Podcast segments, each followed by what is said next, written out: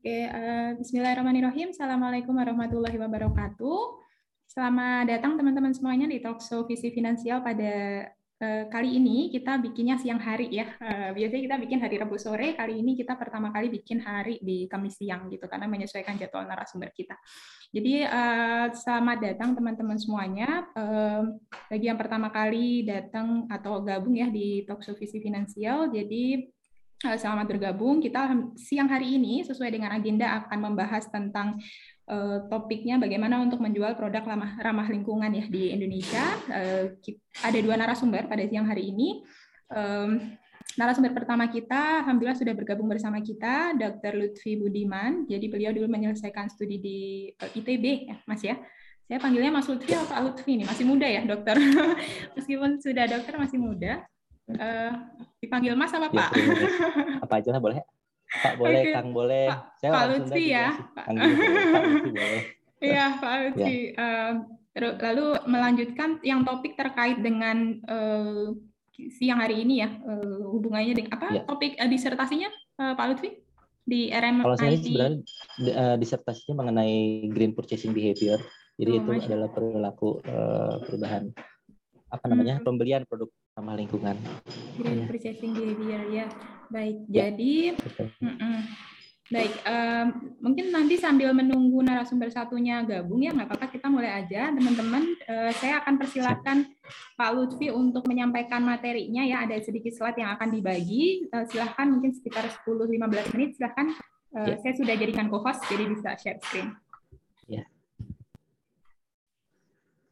Share screen ya. Oke. Okay. Ini share eh, screen saya udah kelihatan belum? Belum ya? Uh, belum. Masih loading mungkin. Nah, kalau ini udah ya? Nah, sekarang ya? sudah. Ya. Bismillahirrahmanirrahim. Assalamualaikum warahmatullahi wabarakatuh. Uh, selamat siang teman-teman semua. Uh, saya di sini ingin sedikit sharing lah. Ini kan acaranya nggak terlalu formal ya Bu. Sharing aja mengenai kemarin itu saya uh, disertasi mengenai uh, tentang bagaimana caranya kita menjual produk hijau lah intinya secara secara gampangnya seperti itu gitu ya. Uh, saya pertama mulai dari motivasi saya dulu sih. Jadi apa sih motivasi saya dalam uh, uh, mengambil S3 kemarin itu karena saya merasa bahwa produk ramah, produk lingkungan itu produk yang ramah lingkungan itu uh, sudah banyak berkembang dari uh, 100 tahun terakhir ya. Cuman kok penggunaannya masih sedikit gitu. Ini dibuktikan dengan banyaknya uh, sampah plastik ya di laut itu masih masih sangat banyak seperti itu dan masih juga uh, sulit untuk dijadikan uh, solusinya. Nah, saya berpikir wah bagaimana nih kalau misalnya uh, saya meneliti tentang uh, produk lingkungan gitu. Karena kebetulan saya dari mulai S2 itu saya lebih memilih untuk ke ekonomi uh, lingkungan dibandingkan uh, teknis gitu uh, teknik lingkungan walaupun saya S1-nya sebenarnya teknik lingkungan tapi saya lebih memilih ke uh, ekonomi uh, lingkungan karena waktu S2 saya juga saya walaupun judulnya MBA tapi itu saya uh, meneliti mengenai uh, persampahan pengelolaan uh, perusahaan persampahan di di Bandung gitu. Nah, apa sih yang dinamakan uh, produk yang ramah lingkungan? Sebenarnya ada ada tiga sih. Yang pertama itu uh, produknya itu harus lebih ramah lingkungan dibandingkan produk sejenis yang konvensional. Contohnya saja kalau misalnya ada produk yang terbuat dari plastik, ada alternatif lainnya misalnya yang terbuat dari uh, ada yang namanya wheat straw atau uh, ada juga yang terbuat dari bambu gitu yang lebih ramah lingkungan. Kemudian yang kedua uh, produknya juga tidak secara berlebihan diambil dari sumber daya alam atau istilahnya atau lebih baik lagi disebut uh, produk yang sustainable gitu yang renewable yang yang bisa diproduksi terus menerus tanpa uh, tanpa takut kehabisan uh, apa stok seperti itu. Dan yang ketiga adalah produk yang bisa didaur ulang atau dapat dipergunakan kembali menjadi produk atau fungsi yang lain seperti itu. Nah jadi manfaatnya apa sih? Pertama tadi dampak lingkungan, apalagi sekarang kan sekarang ini lagi hype mengenai uh, climate change ya sekarang masih kayaknya kongresnya masih berlangsung uh, COP26 di Glasgow. Sampai besok nih kayaknya kalau salah. Uh, tentang perubahan iklim terus juga tentang permasalahan klasik ya persampahan. Uh, di kota Bandung juga kita sekarang sedang mengalami uh, masalah persampahan kan walaupun sekarang ini ada kendala di uh, TPA Sari Mukti jadi sekarang sampah banyak menumpuk tapi alhamdulillah udah mulai terkendali. Tapi ini ke depan nih kalau misalnya kita tidak cari solusi tidak cari apa namanya uh, alternatif lain yang bisa kita lakukan ini akan makin lama makin menumpuk dan suatu saat kejadian tahun 2005 itu ada longsor dulu di TPL Wigaji itu akan terjadi lagi seperti itu dan kita tidak mau hal-hal yang demikian terjadi gitu. Terus yang kedua adalah uh, kalau kita menggunakan produk yang sustainable yang renewable ini maka uh, secara ekonomi itu kestabilan harga akan tercapai gitu ya. Jadi kita tidak perlu takut nih uh, apa namanya mengenai inflasi gitu. Seperti kalau misalnya kita menggunakan material-material dari produk yang uh, istilahnya scarce ya kayak minyak bumi, batu bara itu sedikit aja kita kehabisan stok itu harga jadi naik seperti itu. Nah, tapi kalau misalnya renewable ini akan lebih stabil. Dan yang ketiga itu adalah uh, produk ramah lingkungan ini sebenarnya bisa merangsang untuk uh, apa namanya uh, menularkan untuk melakukan suatu kegiatan ramah lingkungan yang lain gitu seperti itu seperti memilah sampah atau menerapkan uh, reduce reuse uh, recycle seperti itu. Nah, sekarang yang jadi tantangan Bagaimana sih kalau misalnya kita ingin menjual produk hijau? Bagaimana kalau misalnya kita ingin menjadi seorang environpreneurship? Nah, di sini ada istilah baru nih. Kemarin saya kemarin baru ikutan uh, webinar bersama Ikatan Alumni TLITB ini uh, yang datang uh, Pak Sandiaga Uno sama Bu Susi itu mereka tertarik dengan istilah environpreneurship. Jadi uh, istilahnya ini adalah entrepreneur yang memang bergerak uh, di bidang uh, environmental gitu ya. Jadi menjual produk-produk yang uh, ramah lingkungan seperti itu. Nah, waktu saya penelitian uh, S3 saya ada yang namanya teori of plant behavior gitu. Nah, si teori plant behavior ini bercerita bahwa setiap orang yang punya niat, uh, yang punya keinginan untuk melakukan sesuatu atau dalam hal ini adalah membeli, gitu ya, membeli, itu maka dia akan membeli gitu. Jadi secara konsep, secara konseptual itu mereka uh, kalau udah punya niat atau keinginan itu pasti akan membeli gitu. Uh, signifikansinya positif gitu kan. Nah, cuman menariknya ini sebenarnya agak sedikit misterius gitu di dunia produk hijau ini karena banyak riset yang menganggap bahwa apa namanya mereka menemukan bahwa uh, si keinginan ini positif tapi mereka hasil risetnya juga membeli produk ramah lingkungan itu positif gitu. Dan ini tidak sesuai dengan kenyataan yang terjadi di mana itu namanya uh, di keadaan kita sekarang. Karena berdasarkan berita berdasarkan data gitu ternyata yang membeli produk ramah lingkungan itu sangat kecil sekali bahkan lebih kurang dari lima persen. Seperti itu di Eropa di Amerika juga demikian.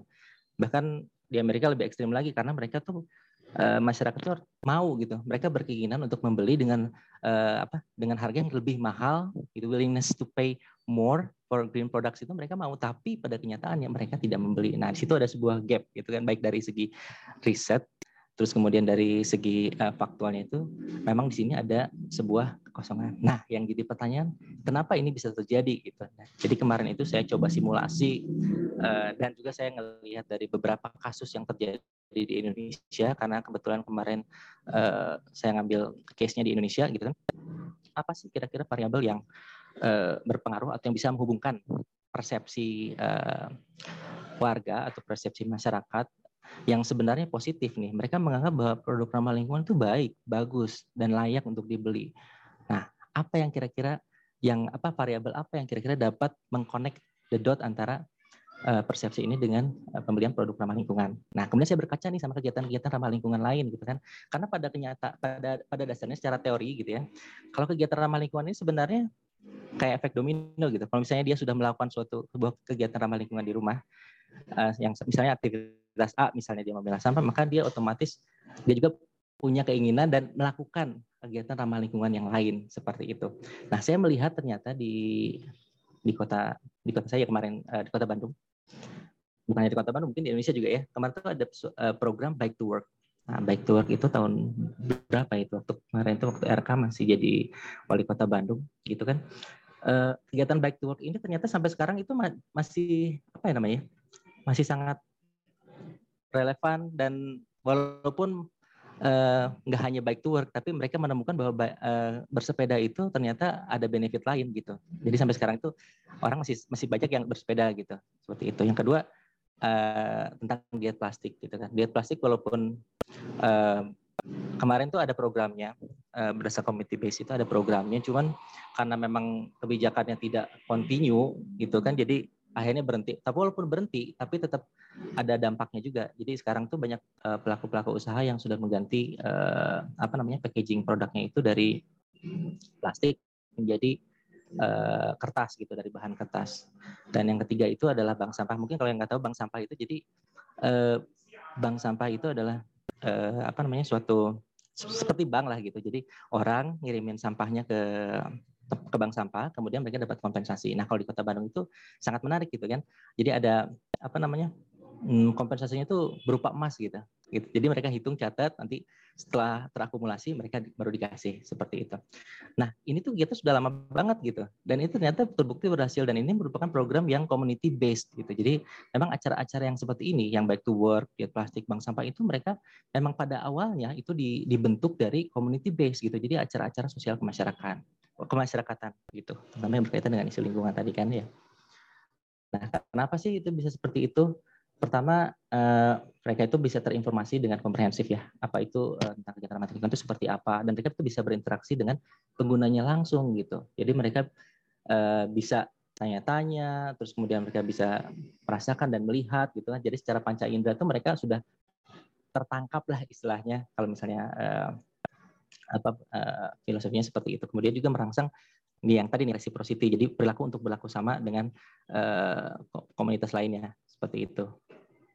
Nah, oops, sorry ya. Jadi itu jadi variabel yang kemarin saya hitung itu di penelitian saya itu adalah eh, bagaimana sih partisipasi pada acara sosial masyarakat ini bisa mengkonek antara persepsi produk ramah lingkungan dengan pembelian produk ramah lingkungan. Nah, berdasarkan eh, model yang saya bentuk itu kemarin ternyata eh, sangat stimulasinya itu sangat mirip sekali dengan eh, kenyataannya. Jadi di sini itu mereka memang tidak uh, lebih rendah dibandingkan menggunakan variabel ini. Jadi secara faktualnya dapat, kemudian secara risetnya, secara teoretikalnya juga dapat seperti itu. Nah, sekarang bagaimana sih strateginya kalau kita misalnya pengen menjadi uh, entrepreneur gitu ya? Yang pertama itu kita harus mumpung nih, mumpung nih ya, karena sekarang kan uh, ramah lingkungan atau kegiatan lingkungan itu dipromosiin di mana-mana ya. Bahkan pemerintah juga sangat mendukung gitu kan. Nah inilah saatnya gitu untuk masuk ke apa namanya ke bisnis yang memang orang belum banyak masuk gitu seperti itu. Itu jadi kalau bisa sih kita bekerja sama dengan pemerintah. Bahkan di kita juga sekarang udah banyak tuh uh, apa namanya uh, udah banyak kegiatan-kegiatan yang sifatnya memang entrepreneurship ini kayak misalnya yang di Kota Bandung kawasan bebas sampah itu mereka sudah men, uh, mengadakan kegiatan urban farming. Nah urban farming ini jadi produk-produk yang dari sampah itu mereka kompos kemudian dihasilkan menghasilkan uh, sayuran dan sayurannya itu dijual kembali dengan harga yang lebih murah gitu kan. Ini sebenarnya harga juga sebenarnya berpengaruh ya.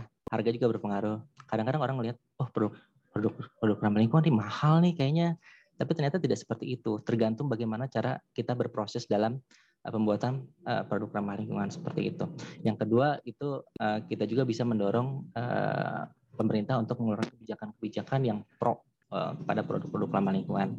Dan yang ketiga itu kita harus bikin asosiasi organisasi karena saya belum pernah belum menemukan tuh asosiasi apa namanya pengusaha-pengusaha yang menjual produk-produk ramah lingkungan itu belum belum saya belum belum uh, belum tahu belum dapat mungkin teman-teman uh, tahu bisa sharing juga. Jadi seperti itu. Jadi pertama kita harus melakukan uh, apa namanya bersama-sama dengan masyarakat dengan mengadakan event-event yang bertema lingkungan.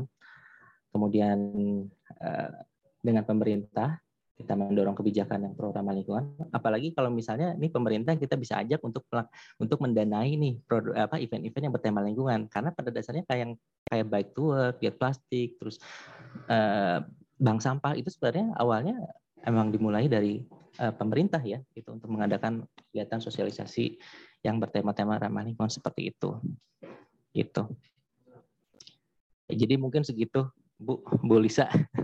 Teman-teman semuanya. Jadi kalau misalnya ada pertanyaan boleh mengenai uh, apa namanya? Bagaimana cara menjadi entrepreneurship gitu. Baik, terima kasih Pak Lutfi ya untuk ya. sharingnya. Uh, ya.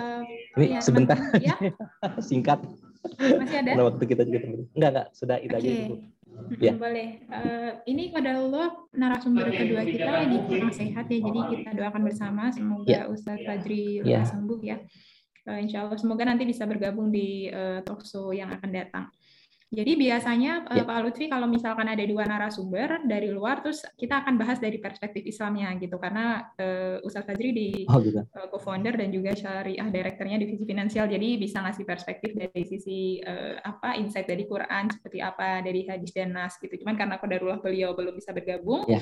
kita uh, lanjutkan dari sisi diskusi tadi ya materi dari Pak Lutfi. Teman-teman boleh banget ya. misalkan ada yang ingin bertanya boleh raise atau boleh di uh, sampaikan di kolom chat ya gitu. Nah, sebelum ke sambil nunggu pertanyaan dari teman-teman, saya ada beberapa ini ya pertanyaan gitu untuk Pak Lutfi untuk mengelaborasi penjelasan yang tadi. Jadi kalau uh, Pak Lutfi sendiri ada pengalaman memulai uh, apa usaha yang di bidang ramah lingkungan ini atau belum? Nah, kebetulan saya juga saat ini baru mulai ya. Ini punten, saya... uh, share screen-nya boleh di take down dulu?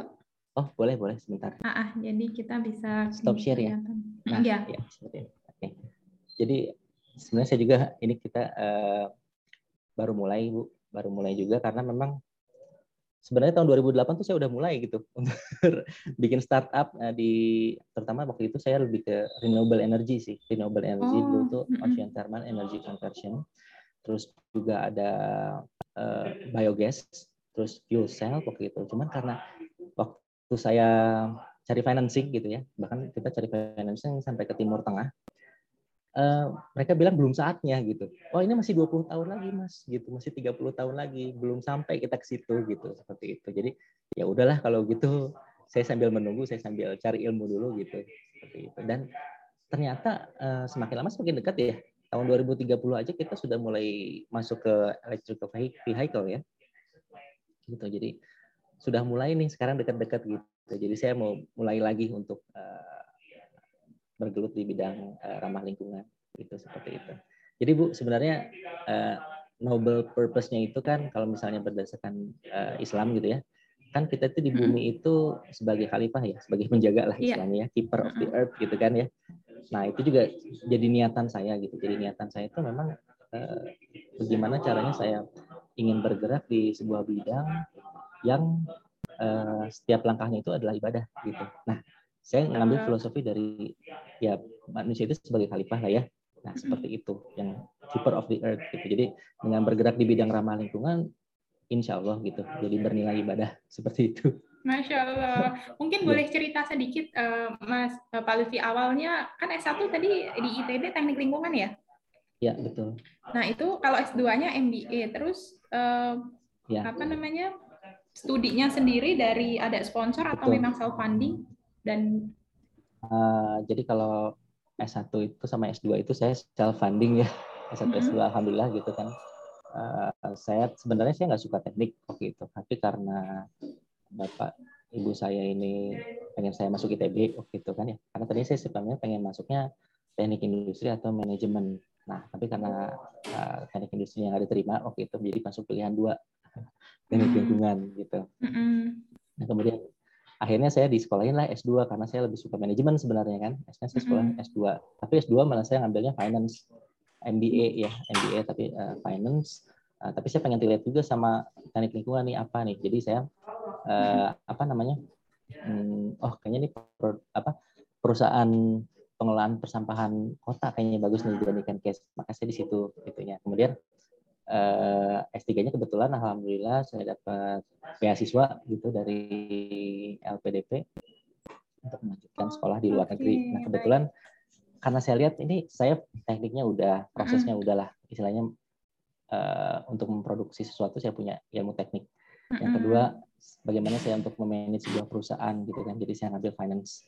Yang ketiga bagaimana cara memasarkannya. Itu saya ambil tiga jadi seperti itu bu.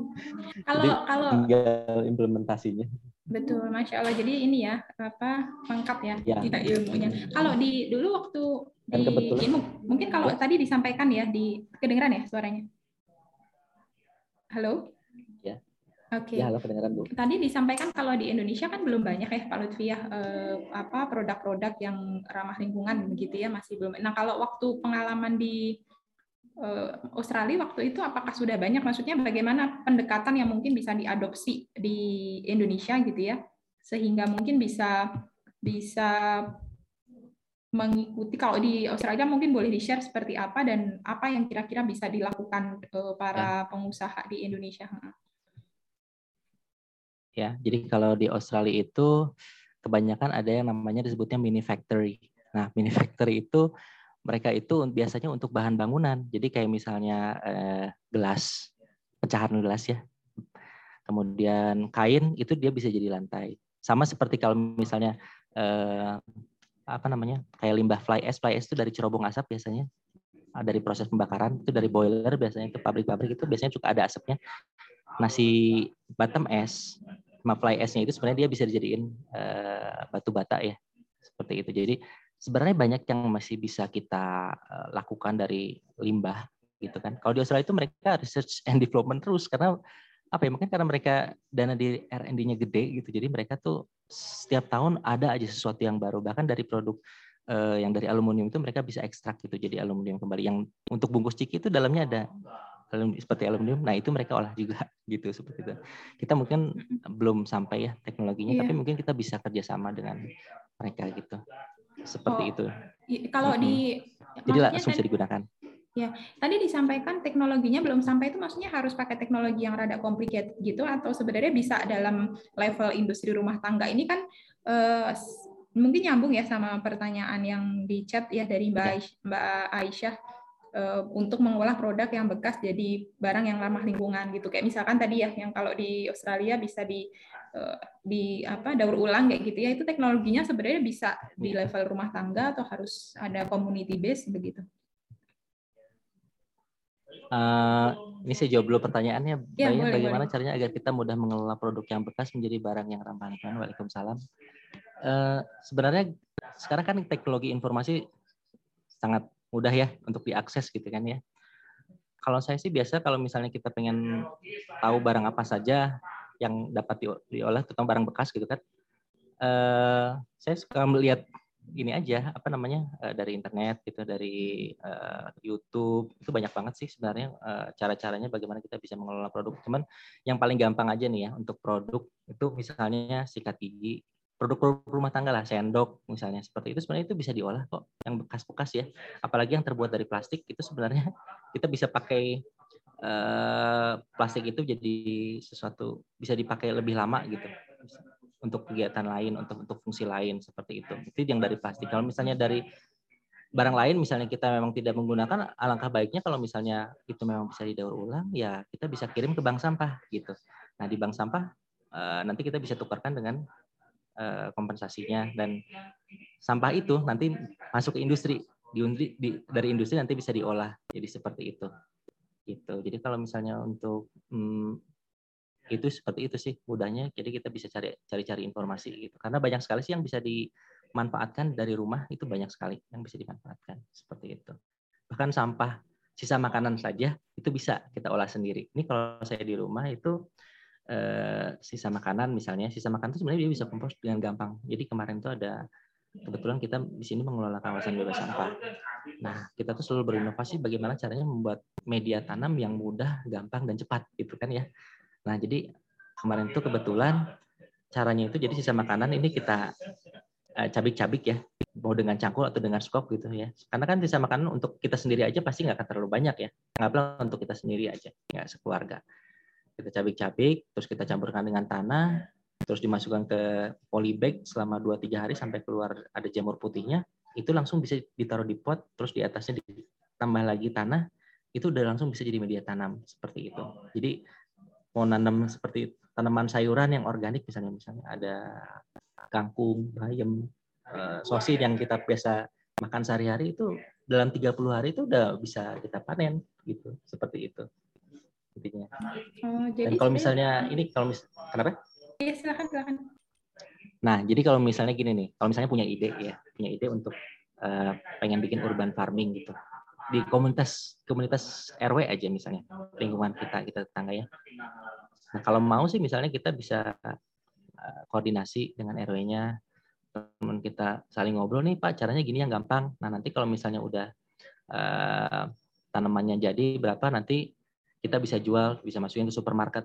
Asal ada aja satu gitu yang mau jadi kadarnya satu yang mau mengelolanya kayaknya masyarakat tertarik sebenarnya. Gitu. Nanti mungkin bisa ditukarkan dengan produk lain gitu ya. Misalnya dengan telur dengan telur ayam seperti itu. Bisa tuh seperti itu.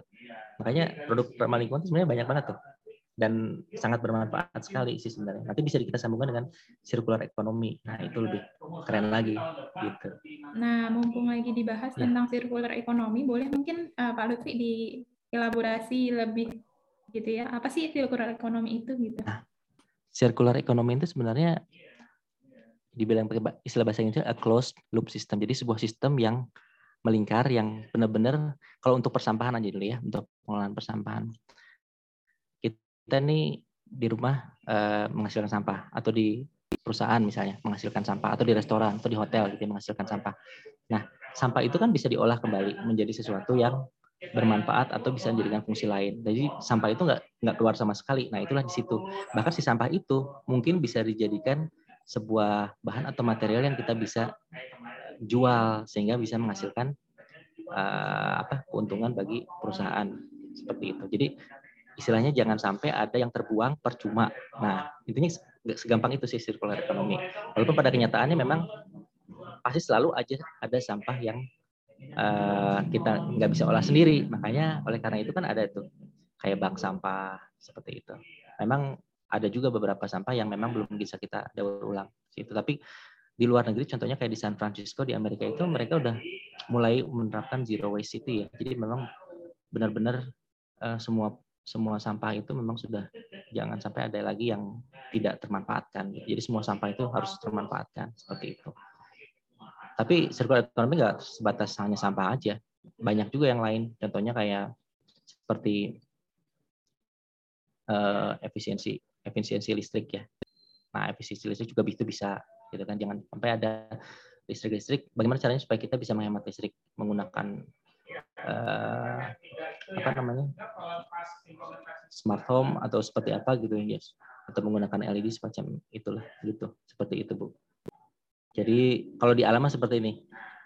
Uh, kayak pohon lah. Pohon itu kan dia butuh matahari ya. Dia menghasilkan uh, apa memakan nutrien uh, dari klorofilnya itu terus uh, kemudian disinari terus zat buangnya itu kan oksigen ya. Oksigen, oksigen kita manfaatkan untuk bernapas. Nah, buangan kita, buangan kita itu kemudian dimanfaatkan oleh pohon sebagai nutrien di dalam tanah. Seperti itu. Jadi nanti suatu saat kan kita akan meninggal ya. Meninggal jadi unsur hara di dalam tanah seperti itulah gitu. Jadi seperti alam aja gitu, natural gitu. Gitu. Jadi seperti itulah istilahnya circular economy. Jadi sebuah sistem yang berputar, energi yang berputar gitu.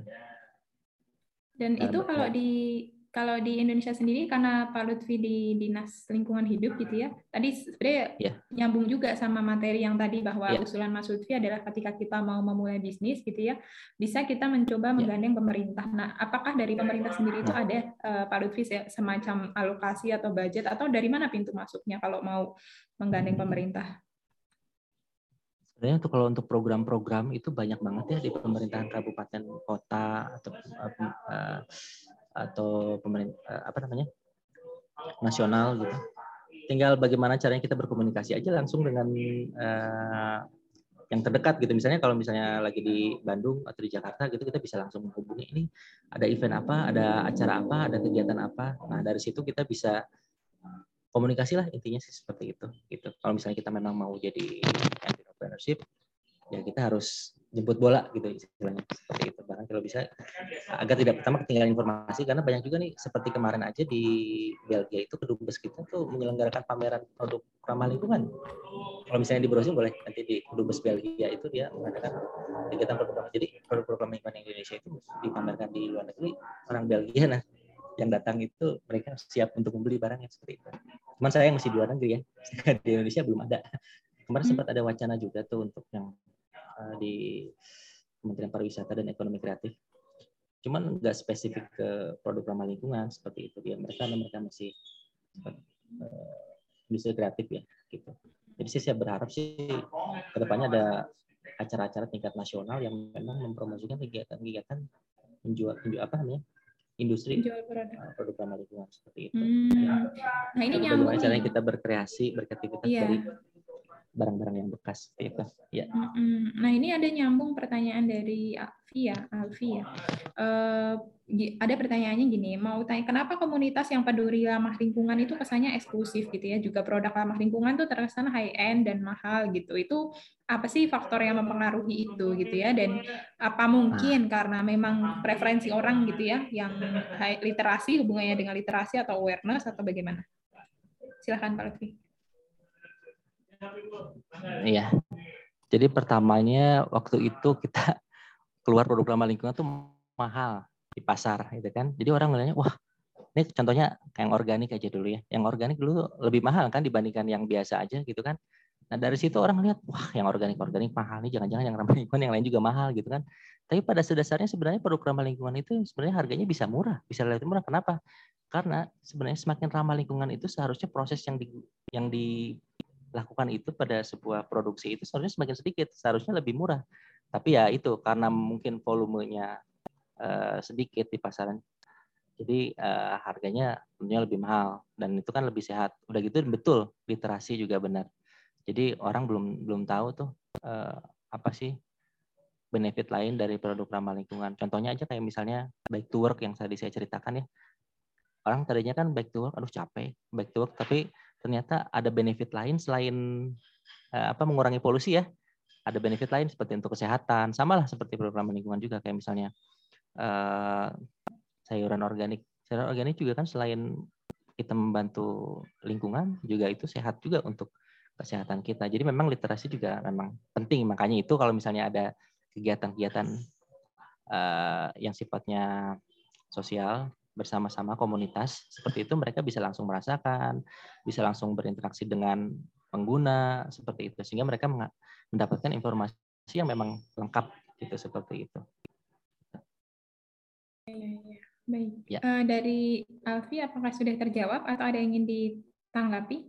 Teman-teman yang mau nanya nah, sesuai tingkat ya? penghasilannya memang ya, ya tadi uh, apakah ada perbedaan tingkat awareness di mana sesuai tingkat penghasil, uh, penghasilannya? Ya, saya bilang iya betul. Ya karena memang waktu itu kan orang-orang yang beli bahan-bahan organik itu kan orang-orang yang tingkat penghasilannya tinggi ya karena orang yang biasa kan sedikit aja perbedaan harga gitu. Apalagi bahan dapur gitu kan mereka sangat sensitif sekali sih orang Indonesia gitu. Seperti itu. Jadi memang ada hubungannya ya walaupun tadi ya, uh, idealnya harusnya nggak harus lebih tinggi ya? Ya harusnya idealnya semakin ramah lingkungan sebenarnya semakin murah seharusnya karena proses yang dibutuhkan juga semakin sedikit.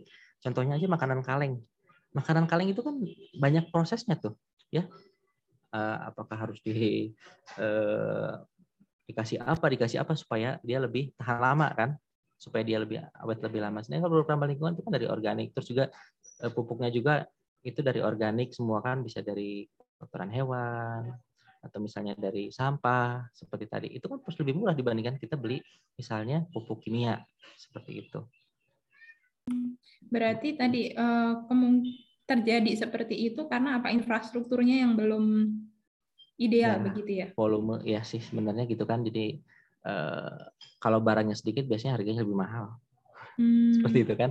Kalau hmm. produksinya banyak, semakin banyak semakin murah seperti itu. Hmm. Tapi seharusnya Tapi sih enggak ya. Seharusnya sih enggak karena uh, kita aja hasil urban farming yang dari sampah itu dari kompos itu dijualnya cuma 50% kok harganya di sini kita. Jadi kalau misalnya harga konvensional 100 misalnya untuk uh, bayam gitu. Atau onsen di sini enggak cuma setengahnya gitu. Dan mereka dijualnya juga masih di komunitas ya. Belum sampai keluar, masih di komunitas misalnya dijualnya ke tetangga gitu. Seperti itu. Jadi sebenarnya kalau misalnya uh, ada koordinasi gitu kan ada komunitas. Makanya saya kita itu perlu yang namanya disebutnya asosiasi ya. Asosiasi produk ramah lingkungan. Karena dengan adanya asosiasi itu eh, nantinya akan mudah bagaimana caranya kita untuk eh, mengatur harga di pasaran gitu kan. Karena asosiasi itu sebagai regulatornya lah untuk sebuah industri itu itu sangat penting sekali gitu.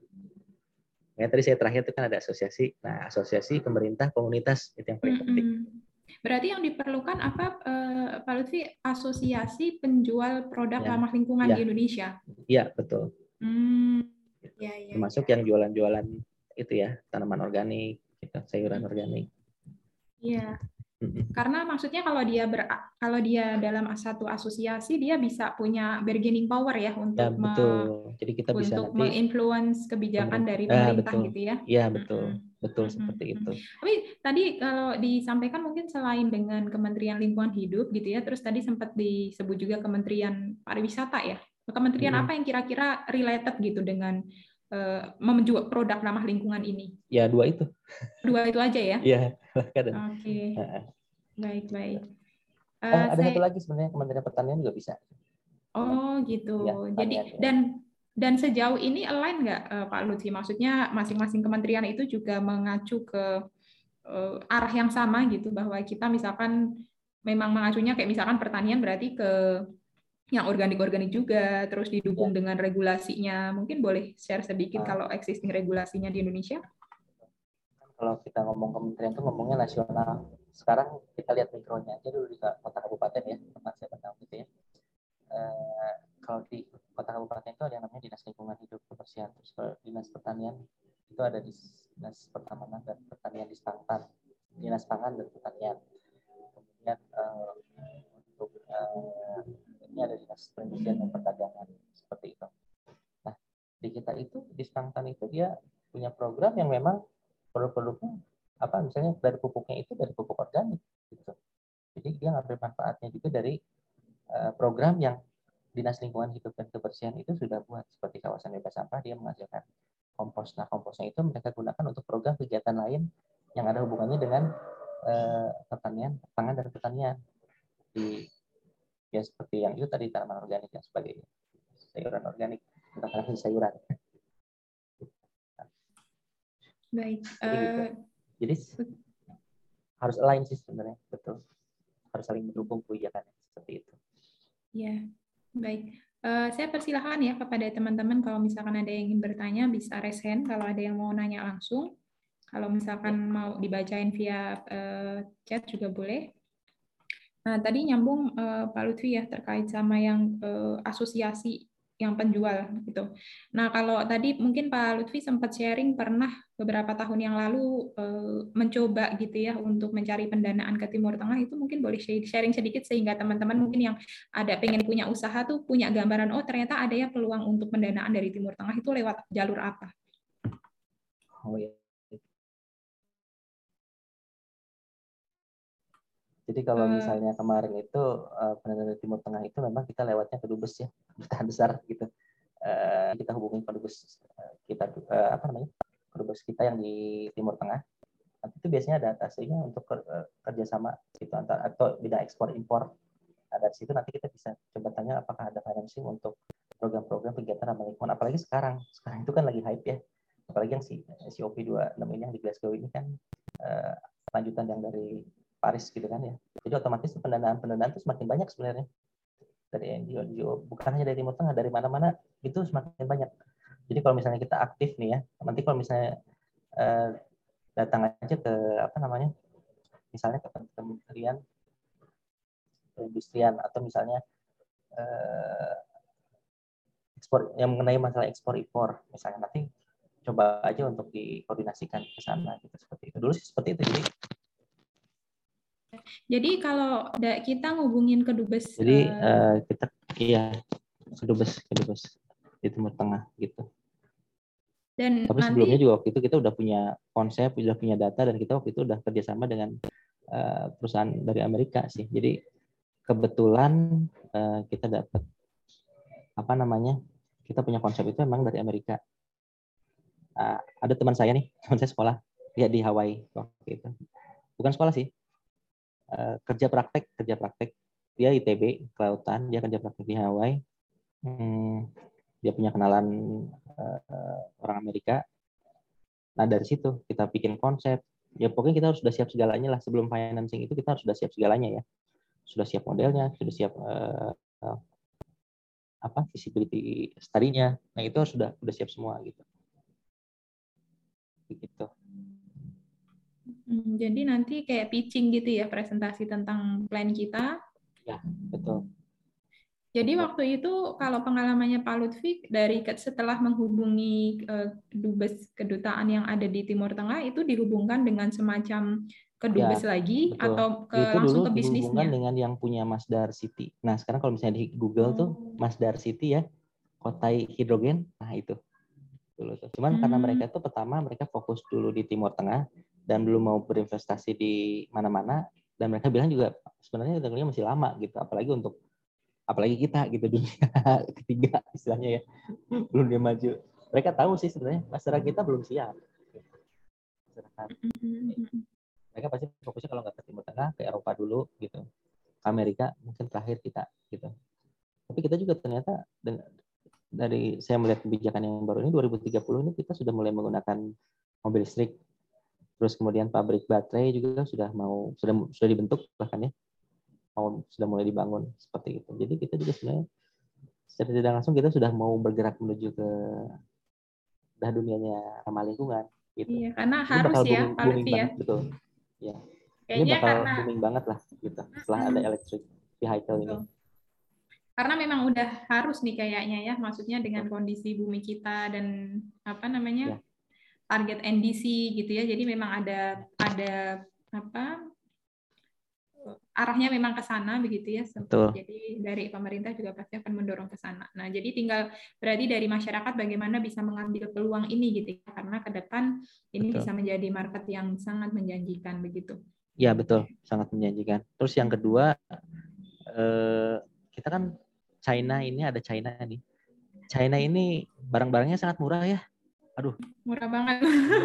Karena nggak kepikiran gimana sanggup. gitu. Nah, betul. Kita nggak sanggup untuk eh, menyaingi biaya produksinya mereka gitu kan maka sebenarnya kalau misalnya kita punya sesuatu yang kreatif dan punya nilai jual yang ramah lingkungan itu di ekspor itu terutama di untuk negara maju itu sangat menarik sebenarnya sangat sangat menarik gitu karena kita kan punya punya keunggulan yang memang bukan produk-produk yang uh, konvensional seperti itu. Walaupun Cina juga sekarang udah mulai nih mereka juga udah mulai nih bikin-bikin produk yang non plastik gitu ya. Seperti produk kayak misalnya untuk yang household gitu kayak misalnya sendok itu mereka bisa bikin dari wood straw. Uh, sikat gigi itu bambu ada wood strawnya juga. Pokoknya mereka udah mulai sih sebenarnya. Jadi sebenarnya kita masih masih bisa lah untuk masuk gitu ke sana gitu. Tapi lebih, harus lebih kreatif lagi memang. Kita harus lebih kreatif cuman Jadi, kalau misalnya kita bisa mengefektifkan apa yang kita punya ini walaupun kita misalnya misalnya kita punya eh, perusahaan ya perusahaan walaupun tidak secara langsung menjual produk ramah lingkungan tapi kita dengan menerapkan circular ekonomi itu bisa menambah masukan eh, apa income buat perusahaan seperti itu Iya, jadi kalau gitu. ini ya, Pak Lutfi, kalau di marketing itu ada dua strategi ya, mau price leadership atau ah, product ah, differentiation gitu ya. Jadi kalau ya, produk betul. yang ramah lingkungan itu kita mungkin bisa jual dengan harga yang lebih Blue premium ya. begitu ya. Dan, ya. Jadi ada keunikan tersendiri yang ditawarkan begitu. Nah, um, jadi kita harus ya. masuk blue ocean terus kalau Cina. Iya, betul. Gitu. Baik, kalau kalau dari ini uh, tadi kan sudah disampaikan ya Pak Lutfi terkait sama pentingnya karena saat ini belum ada nih asosiasi untuk penjual yang ramah lingkungan. Nah, kalau iya. komunitas-komunitas sendiri mungkin Pak Lutfi boleh sharing nggak sejauh ini se seperti apa gitu ya? Nah. Apakah sudah ada komunitas dan mungkin ada rekomendasi community yang kita perlu dulu join ada, gitu? Uh, sebenarnya kalau untuk yang kalau dulu tuh ada sebutnya namanya tuh Green Generation sekarang udah jadi yayasan ya mereka tuh dulu menjual tuh bahan-bahan produk lingkungan kayak goodie bag, something like that ya. Greeneration itu di Bandung. Sekarang itu mereka itu yang kalau misalnya dilihat ada yang namanya Waste for Change. Nah itu tadinya sebenarnya dibuat oleh yayasan Greeneration. Itu pernah pernah tahu nggak Bu Lisa? Uh, Pak tahu Sano, tahu. Mas Sano nah, kan tempo hari ngisi ya. di acaranya Green Wakaf. nah itu dia. Mas Sano tuh dulu yang bikin Greeneration kan dulu. Cuman karena memang hmm, sulit ya maksudnya itu bersaing gitu jadi mereka pindah haluan ke lebih untuk mengolah sampah ke BSF gitu Black Soldier hmm. Fly itu yang teknologi hmm. menggunakan pengolahan sampah dengan menggunakan maggot gitu hmm. iya iya iya tapi sebelumnya mereka menjual produk ramah lingkungan tuh kayak goodie bag macam-macam lah produknya tapi intinya untuk mengurangi hmm. penggunaan plastik sih waktu itu tapi sebenarnya gitu. sebenarnya uh, skop atau cakupan produk ramah lingkungan itu kan bukan hanya tadi ya, maksudnya kayak kalau uh, goodie bag atau barang-barang lain kayak misalkan dari sisi sesuatu yang kita makan itu juga bisa dikategorisasikan kalau dia organik dia ramah lingkungan gitu kan ya Pak ya? Iya. okay. uh, dari Pak Lutfi ada yang ingin di ini uh, tambahkan terkait dengan penjelasannya tadi? Hmm, kalau ya itu dia. Jadi kalau misalnya buat yang berminat untuk jadi enviropreneur gitu, sebaiknya kita mulai dari sekarang aja gitu. Jadi jangan tunggu nanti itu setelah banyak yang jualan gitu kan ya. Sekarang kita nih lihat prospek ke depan nih 2030 kita sudah mulai masuk era baru lah ya. Nanti ada baterai gitu kan. Ada yang mau masuk ke pembangkit listrik tenaga surya jualan solar cell boleh. Itu sangat bagus sekali gitu. Jadi kalau misalnya kita bisa lebih awal mulai, kita bisa masuk masuk market lebih awal, kesempatan dapat uh, pasarnya juga semakin besar gitu. Mm. Ini kayak Jadi kayak Green Generation juga, betul. Itu mereka masuk lebih awal lagi, mereka tahun 2008. Sekarang udah cukup besar ya, risk for change gitu. Iya. Yeah. Seperti itu. Permasalahan dan masalah lingkungan di kita tuh besar banget terutama permasalahan sampah itu di kabupaten kota itu masih banyak banyak PR masih banyak banyak persoalan. Karena kan semakin banyak persoalan berarti kan semakin banyak peluang ya gitu. Seperti itu. Jadi kalau misalnya kita mau melihat wah apa nih kira-kira uh, potensi bisnis yang bisa kita kembangkan ya kita harus lihat dari masalah gitu kan. Apalagi kalau misalnya semakin sulit. Semakin sulit malah semakin bagus. Kenapa? Karena uh, orang susah masuk kan. Kalau orang susah masuk berarti bisnis semakin bagus dong gitu malah hmm. seneng gitu kalau misalnya susah hmm. gitu nggak banyak ya saingannya iya karena susah dimasuki gitu kan iya hmm. jadi jadi uh, ya insightnya ini menarik banget ya teman-teman jadi uh, ini mungkin kalau dari perspektif uh, Islam juga cocok banget gitu ya bahwa ketika kita berbisnis kita juga uh, apa ingin jatuhnya bisnis itu bukan hanya untuk memperkaya diri sendiri ya kalau konsepnya kapitalis yeah. kan gitu jadi bisnis untuk memperkaya yeah. diri sendiri tapi kalau dari perspektif Islam sebenarnya kita berbisnis karena kita mungkin salah satunya ingin membantu orang lain gitu ya jadi kalau hubungannya dengan Betul. masalah di sekitar kita kita bisa lebih aware kira-kira apa aja nih masalah lingkungan di sekitar kita gitu ya dan hmm. bagaimana kita bisa membantu orang lain dan kita membantu diri kita sendiri juga ya gitu. Karena kita tadi yang disampaikan sama Pak Lutfi juga kan bahwa kita nih konsepnya khususnya bagi yang muslim kita khalifah di muka bumi ini gitu ya. Jadi jangan sampai Betul. kalaupun kita eh, nggak uh, jadi bagian dari solusi gitu ya belum bisa tapi kita nggak jadi bagian dari masalah yang memperparah gitu kondisi lingkungan. Jadi kayak mungkin eh, pelan-pelan ya mungkin Pak Lutfia jadi kayak uh, sampah di rumah harus mulai dipisah gitu kali ya. Terus uh, mulai juga tadi mengkompos gitu ya jadi mengurangi sampah dari rumah tangga gitu. Hal-hal yang bisa mulai dilakukan mulai dari diri sendiri. Cuman kadang kalau saya tuh kepikirannya gini, Pak Lutfi mungkin ada saran misalkan dari tadi ya kayak misalkan kita mau mulai dari dari rumah kita mau misahin sampah, tapi nanti ketika di TPU di masih digabung juga gitu ya karena belum atau sudah ada uh, sampah yang tempat TPU yang dia memisahkan sampah-sampah gitu kalau di Indonesia sendiri? Uh, belum sih ya. Jadi kebanyakan tuh karena memang kita juga sekarang uh, lebih uh, sampah itu kebanyakan lebih ke komunitas komunal ya. Di komunal itu maksudnya tingkat RW atau tingkat kelurahan. Ya banyak teknologinya itu ada yang pakai maggot uh, eh, BSF itu. Terus ada juga yang uh, composting memang kebanyakan composting ya. Composting uh, ada lagi juga yang menggunakan untuk jadi biogas bio, yeah. digester itu ada tuh satu perusahaan Sureko namanya itu yang di Bali Oh itu iya. Dia Sureko ya. Teman LPDP Tau. juga, Mbak nah, Indri. itu Indri itu, teman saya juga. Oh gitu. dia, oh iya sesama Australia. Iya, dulu dia jadi lurah. Iya. Sureko itu dia bagus, dia pakai biodigester, dia bantu petani kopi ya di Bali. Nah itu juga uh, bagus sekali ya, seperti itu. Jadi hmm. Mereka uh, pakai punya peternakan, terus uh, kohenya kotoran hewannya dimasukin ke biodigester kemudian si biodigesternya itu convert jadi biogas gitu Hmm, gitu. Seru, seru, sangat membantu sekali untuk petani di hmm, Bali sih. Betul, nah, betul. sebenarnya saya juga kemarin itu udah ngobrol juga sama mereka itu untuk permasalahan di Bandung gitu. Karena di Bandung juga itu butuh tek banyak teknologi lah untuk uh, menyelesaikan persoalan persampahan, terutama untuk kaitannya dengan organik. Nah, ini kalau misalnya udah milah nih, kadang-kadang masyarakat tuh suka kayak skeptis sih skeptis ini bakal disatuin lagi atau enggak sih gitu kan sama iya.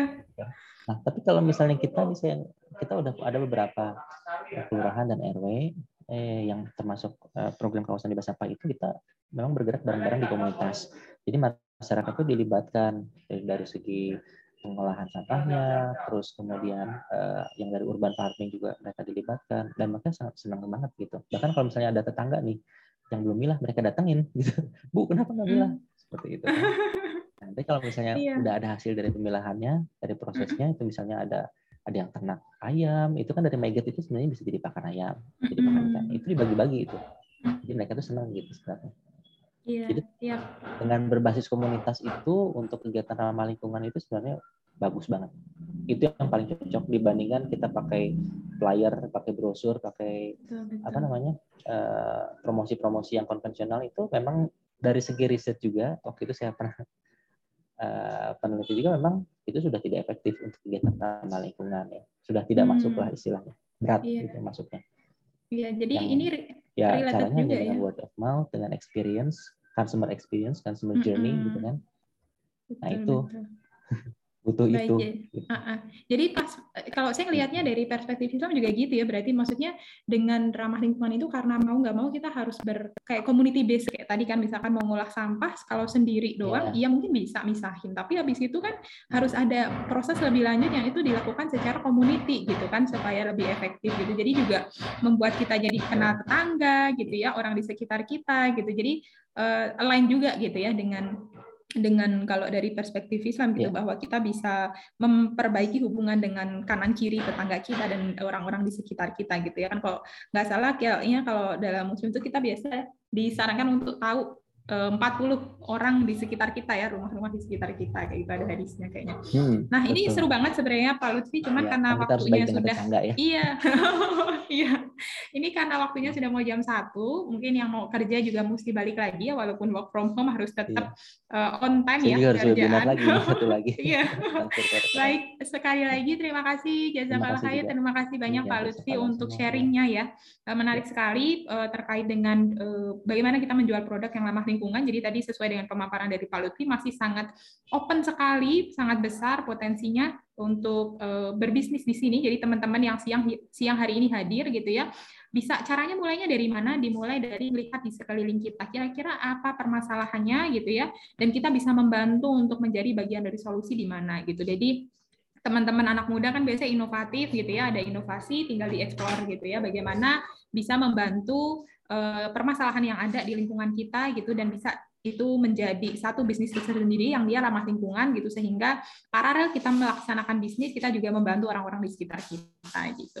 Terima kasih sekali lagi uh, Pak Lutfi untuk waktunya dan dan sharingnya ya.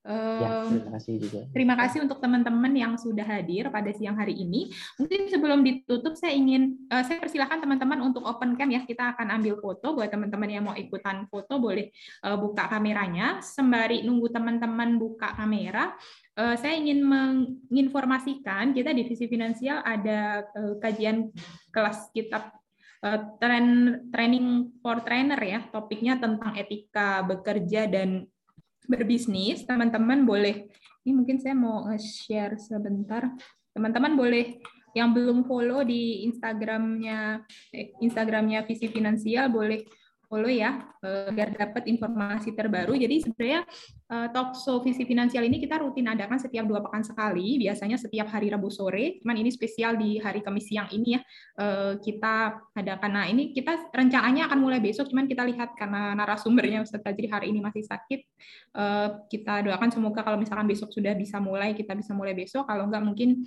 kita undur pekan depan gitu. Tapi ini teman-teman misalkan ada yang mau join, ini ada skema kerja beasiswanya ya. Jadi kalau uh, training ini berbayar, tapi teman-teman uh, yang mau daftar dengan skema beasiswa itu free, jadi silahkan nanti diakses aja di link di sini, TOT Etika Bekerja Berbisnis. Nanti teman-teman yang mau ikut pakai skema beasiswa tinggal attach beberapa uh, persyaratannya termasuk CV sama motivation letter.